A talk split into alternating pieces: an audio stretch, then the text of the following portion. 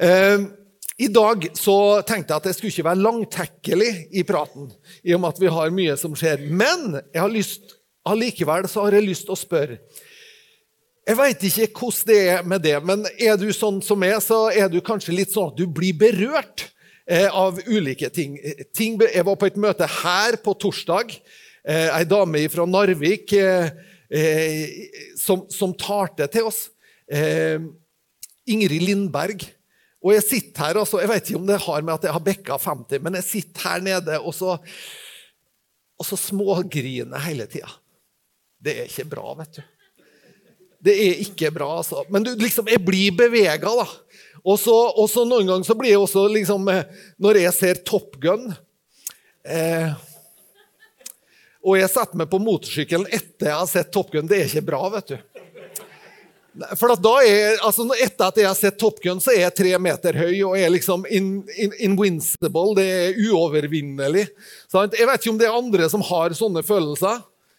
Jeg, altså Etter at jeg så Schindlers liste, så skulle jeg redde absolutt hele verden. Så altså, vi, vi lar oss eh, bevege, gjør vi ikke? Og jeg tror det er veldig godt det, at vi har et register der det går an å tenne oss. Det går an å motivere oss, det går an å treffe oss på en sånn måte at det tenner en gnist, det tenner et engasjement. Det er noe som på en måte, Og min barndomsopplevelse av kino, det er nå, nå, må jeg sjekke om det er mange som er med meg. ET Phone Home. No, ja, vi har noen som er med der. ET Phone Home. Og andre tenker hvor har du landa fra? Mars? Nei, det var ET som landa fra Mars. Så, men det som var da, det var at jeg som guttunge så ET Found Home, og det var noe BMX-sykkelscener på den filmen. Jeg vet ikke om de husker når liksom det var litt sånn downhill. Det er artig vet du, at mange nikker her nå. Det er veldig stort. det. Men det var en sånn opplevelse. Og, og når du da går ut fra kinosalen og setter på sykkelen etterpå Wow! Tingvollvågen var utrygg. Det må bare, det må bare innrømmes. Men jeg tenker også at eh, etter sånne opplevelser så er det ofte sånn at Det kan jo være du har hørt en bra tale òg. At du kjenner liksom at jeg er uovervinnelig. Jeg, det, nå, nå, mestrer jeg det meste. sant? Og så går du ut, eh, og så kommer du til bilen, og så sier kona noe. Så plutselig er du ikke tre meter høy lenger, du er liksom to og en halv. og så søler ungene is i baksetet. Plutselig er du ikke mer enn en meter høy. Mange ting som eh, be beveger oss, berører oss. Bibelen har budskap til oss som setter mot i oss. Bibelen er ei bok som egentlig ikke er skrevet for finværsdager. Den er skrevet for alle livets dager, både finvær og styggvær. Eh, og den møter livet også med løfter til oss der ting virkelig går oss imot. Den har et budskap til oss som sier det at eh, vi ikke skal frykte, vi trenger ikke å være redd. Den setter mot i oss. 365 ganger eh, har det blitt med fortalt at det står 'frykt ikke'. Én gang for hver dag i året. Jeg har ikke sjøl sett etter eh, og tært liksom nøye, men jeg har hørt det. Og hvis en Kristian nikker, så enda større sjanse for at det stemmer. Han har heller ikke tært det sjøl, så han stoler ikke helt på alle andre. Men jeg tror det at det er noe med det her Når Bibelen sier at vi ikke skal miste motet, så ønsker han å sette et mot i oss. Eh, og det finnes mange, mange ganger. Eh, vær ved godt mot, mist ikke motet. Eh, og, og grunnen til det er nok det at Bibelen er ærlig på det at i et menneskeliv så tenderer det til å svinge. Det tenderer til å gå litt opp og ned. Det er liksom det er mange ting som møter oss, og derfor så er Bibelen så tydelig. Eh, I femte Mosebok så står det Og han skal si til dem, hør Israel, dere er, eh, dere er i dag i ferd med å gå til strid mot deres fiender. Mist ikke motet. Frykt ikke. Bli ikke forferdet. La dere ikke skremme av dem, For Herren deres Gud går selv med dere for å kjempe mot deres fiender og frelse dere. Jeg tror det fremdeles er sånn i dag at det er mange kamper som trenger å kjempes. Vi kan la våre tanker gå til kvinner i Iran som kjemper sin livskamp imot undertrykkelse. Våre tanker kan gå til våre naboer i øst, i Ukraina og det som skjer i Øst-Europa nå. Det er kamper som kjempes overalt. Ja, kanskje vi har gode tider, ja, kanskje vi har, men vi i Norge også kjenner på at det er ting som banker på vår dør også, som kanskje utfordrer den freden vi kjenner på. Og da tenker jeg, da trenger vi å være rusta for det. Da trenger vi å ta til oss de orda og de versa som på en måte beskriver noe om det her som kreves når ting er svært krevende. Gud ønsker å sette mot i oss, og han ønsker å motivere oss til det gode midt i en verden av ondskap, til nestekjærlighet midt i en verden av hat. Så ønsker han å sette det motet i oss, sånn at når dagene kommer, så kan vi svare med godhet istedenfor hat. Sånn at vi kan svare på en annen måte. Salmene, der står det 'Vent på Herren, vær ved godt mot'. La ditt eh, hjerte være sterkt. Ja, vent på Herren. I en annen salme, 'Vær ved godt mot, la hjertet være sterkt' alle dere som venter på Herren. Det er tydelig at det er noe med liksom å sette sin lit til, legge tyngden over på Han istedenfor å bære hele tyngden sjøl. Kan du og jeg ha den tilliten til Han, sånn at vi kan lene oss over på Han? Mens Jesus tar det til dem i Matteus 14, så står det Vær ved godt mot. Det er meg. Frykt ikke.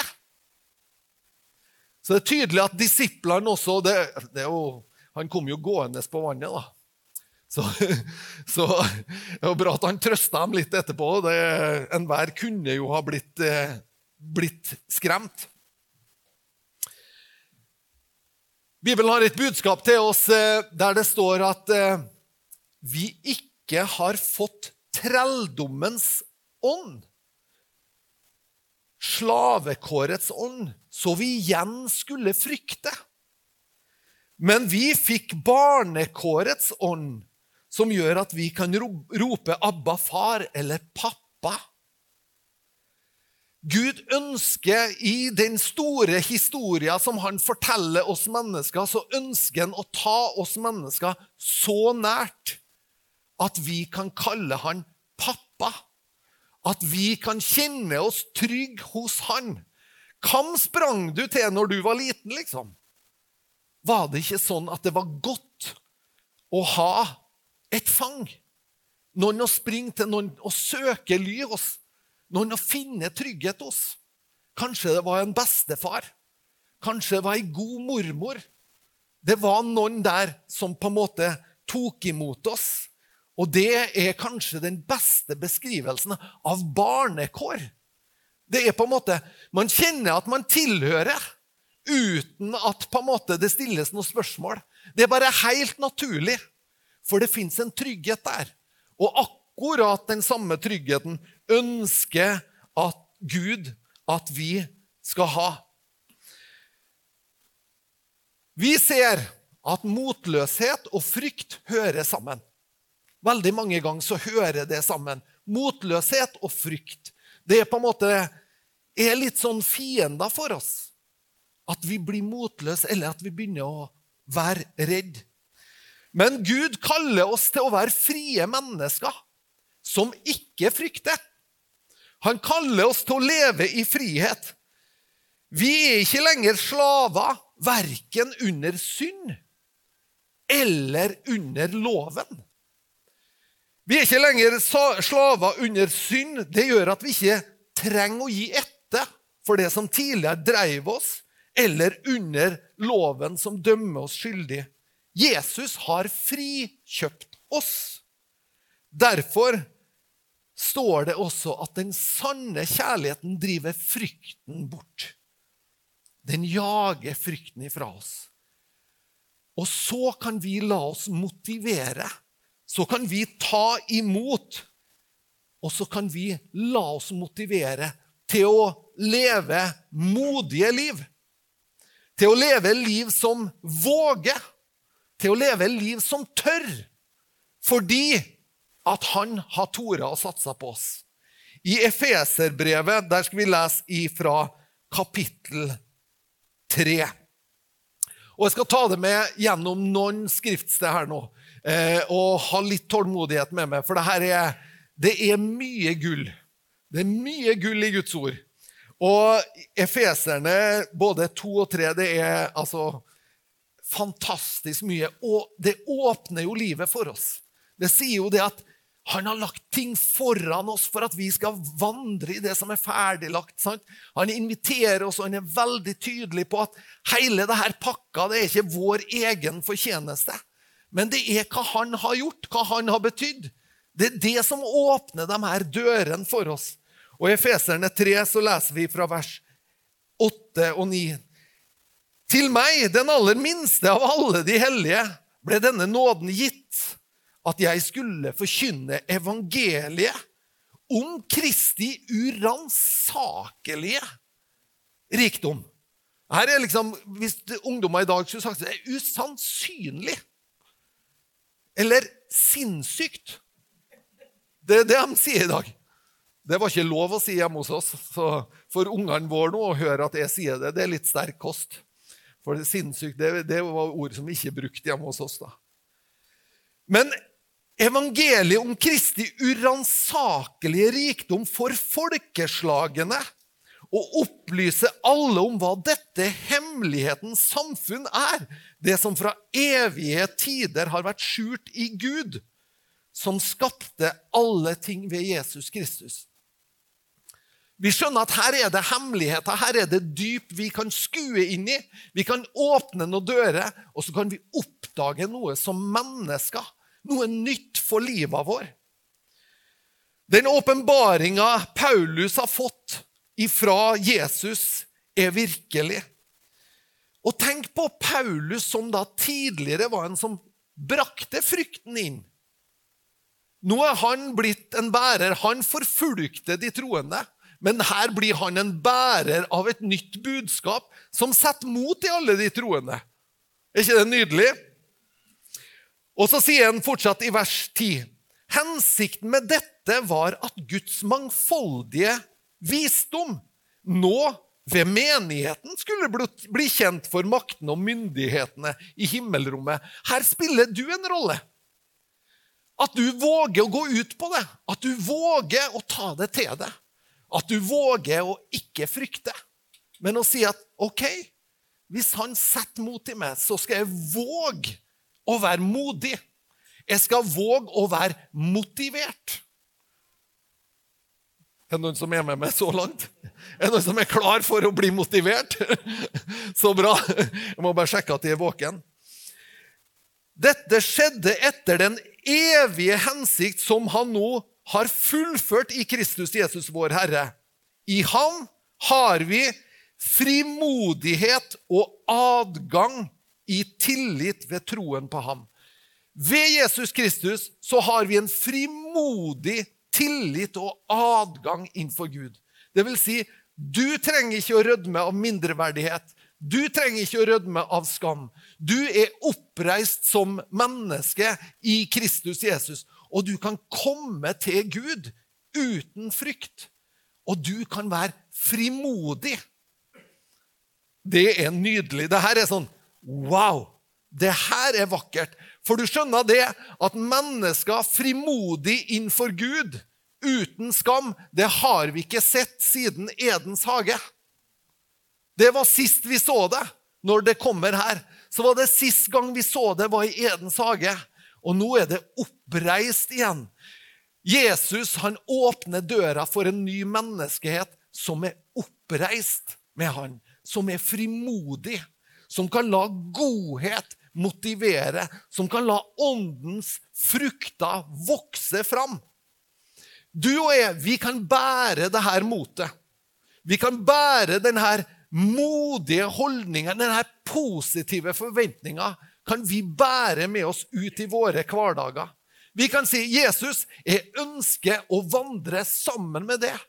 Jesus, jeg innser at mitt liv blir mer av et liv sammen med det enn det blir uten det. Jeg kan våge å si det. Jesus, bli med meg inn i min hverdag. Bli med meg inn på mitt lunsjrom. Bli med meg i møte med de menneskene som beveger seg i mitt liv. Jesus, jeg tror at dette livet blir mer av et liv sammen med det. Ok, Skal vi våge å tenke det? Skal vi våge å la Han berøre oss på en sånn måte at vi, i møte med det som måtte komme, kan løfte blikket og si at vi veit hvem vi venter på. Vår tro rokkes ikke ved at omstendigheter rundt oss rokkes. Vår Gud han har vært trofast uten at Nav var der og han. Han har vært trofast før velferdsstaten var oppfunnet. Vår tro kan ikke være basert på systemer rundt oss. Jeg vet at vi er takknemlige for at vi har gode systemer. Vi er skikkelig takknemlige for det. Men når det rokkes, så kan ikke livet vårt rokkes. Da må vi ha en desto større sikkerhet og trygghet på at han som bærer oss, han er trofast. I vers 13 så fortsatte han, mist ikke motet.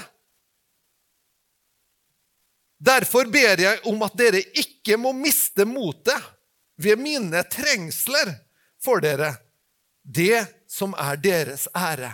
Paulus han sitter i lenka når han skriver det. Og så ifra sine lenker så skriver han mot inn i forsamlinga i Efesus. Det er et nydelig perspektiv. Vi trenger å kunne bære det her med oss. Vi trener vår karakter til å bære alt det Gud har gitt oss.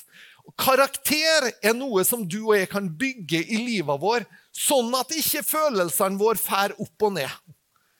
Sånn at vi ikke liksom bare har vært på kino, og så går vi rett i dørken igjen. Når vi velger å bygge karakter, så er det faktisk sånn at vi bygger en beholder for alle de godene som Gud har gitt oss. Og han styrker oss og motiverer oss til å leve livet sammen med han. Gud er god.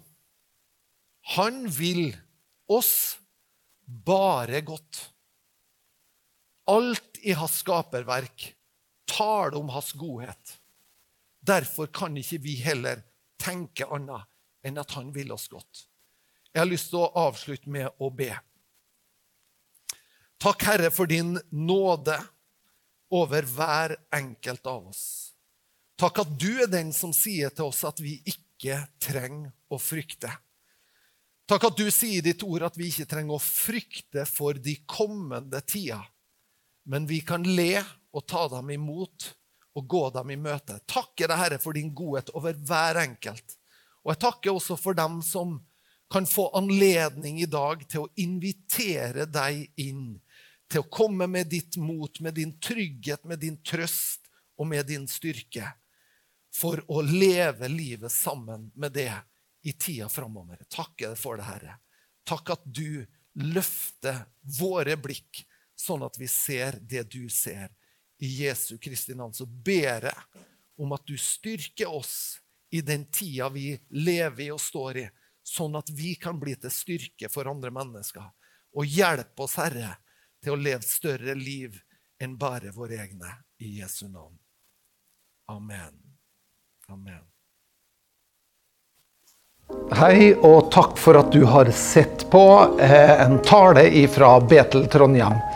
Nå kanskje du sitter igjen med spørsmål og et behov for å snakke med noen. Da er du hjertelig velkommen til å ta kontakt med oss. Du er også hjertelig velkommen til å komme og ta del av gudstjenestene våre, eller det som skjer i ungdomsarbeidet eh, i kirka vår. Jeg tenkte at jeg hadde lyst til å avslutte med å lyse Herrens velsignelse, så vær så god, ta imot. Herren velsigne det og bevare det. Herren la sitt ansikt lyse over det og være det nådig. Herren løfte sitt åsyn på det og gi det fred.